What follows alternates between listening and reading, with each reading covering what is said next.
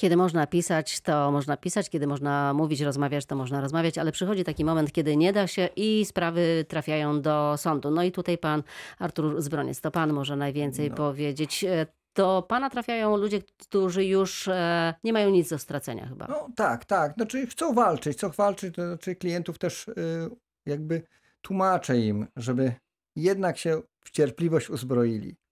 Takie postępowanie zazwyczaj są dwie drogi. No wiadomo, jest ubezpieczyciel i jest jeszcze droga oczywiście naj, naj- naj, najlepsza ze szpitalem czy z jakimś ośrodkiem służby zdrowia dogadać się. Dogadać ale to, to jest dość rzadko kiedy odsyłają zazwyczaj do PZU, a PZU oczywiście stwierdza, czy PZU, czy ubezpieczyciel, prawda? stwierdza, że, że tego błędu nie ma. No i tutaj jest problem. Podjęcie decyzji dotyczącej, czy idziemy w stronę cywilnej, i tutaj jednak jest, jest ta bariera, bariera pieniędzy, to są opinie, które są bardzo drogie, nawet 10 tysięcy i zwyż. No i ja zawsze kieruję na prokuratury. I tutaj czekamy na opinię czasami 3 lata. Trzy lata opinię biegłego, tak? Biegłego, tak. Czekamy czasami 3 lata, czasami kolejna jest opinia kolejny rok. A pan widzi taką, taką tendencję do tego, że tych e, procesów, tych skarżących się przybywa i są to takie czasem właśnie pieniackie zachowania, że nie ma tam e, właściwie e, czego się przyczepić, ale po prostu, nie wiem, no są właśnie firmy, które już napędzają, naganiają, właśnie namawiają wręcz do skarżenia się, bo też jest tak, że my musimy zrozumieć, że czasem zdarza się nieszczęście po prostu. Że to nie był niczyja wina, nie był niczyj. I tak się kończy ten y, wieloletni proces na Znaczy przykład. ja swoich y, klientów, którzy do mnie trafiają, mówię prosto. Oczywiście wasze odczucie, że był jakiś błąd, że coś się stało, analizuję pewną rzecz. Oczywiście nie jestem w stanie dokładnie powiedzieć, że to był błąd, że to ten lekarz zrobił, że to akurat się stało i tak to powinno być i na pewno państwo wygracie. Tak to nie jest. To jest dość trudny proces. Muszą wypowiedzieć się biegli. Tutaj czekamy na właśnie na tą opinię.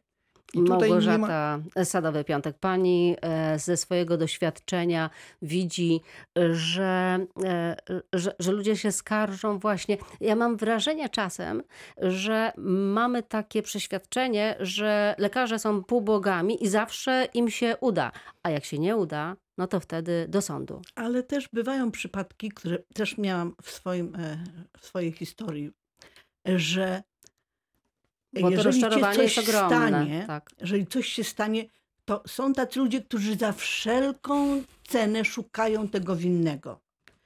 I to czasami jest lekarz, ale zdarzyło się, że i rzecznik praw pacjenta został pozwany za opieszałość. Dziewięć miesięcy to jeszcze były te czasy, kiedy walczyłam z ministrem zdrowia o wprowadzenie pewnego leku na listę leków e, e, refundowanych. Rzeczywiście, razem z towarzystwami różnymi e, Pamiętam te czasy, to tych tak. skarżących się o, o Telewizja odmowę. mi pomagała, tak, radio mi odmowę. pomagało. Dziewięć miesięcy trwało. I wiecie, jak się sprawa skończyła? Pan podał mnie do prokuratury o opieszałość. E, Tym bardziej, że to w ogóle nie było w mojej gestii.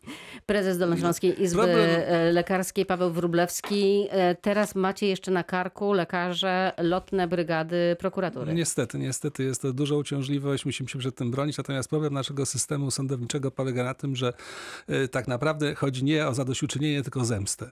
I to jest niestety dramat. To powinno być tak, jak mówił pan mecenas. Są firmy ubezpieczeniowe, ma swojego prawnika pacjent, jest firma, dogadują się, lekarz nawet nie wie, jeżeli nie zawinił, nie wie nawet, że coś się dzieje. Jak do tego na przykład doprowadzono w Szwecji?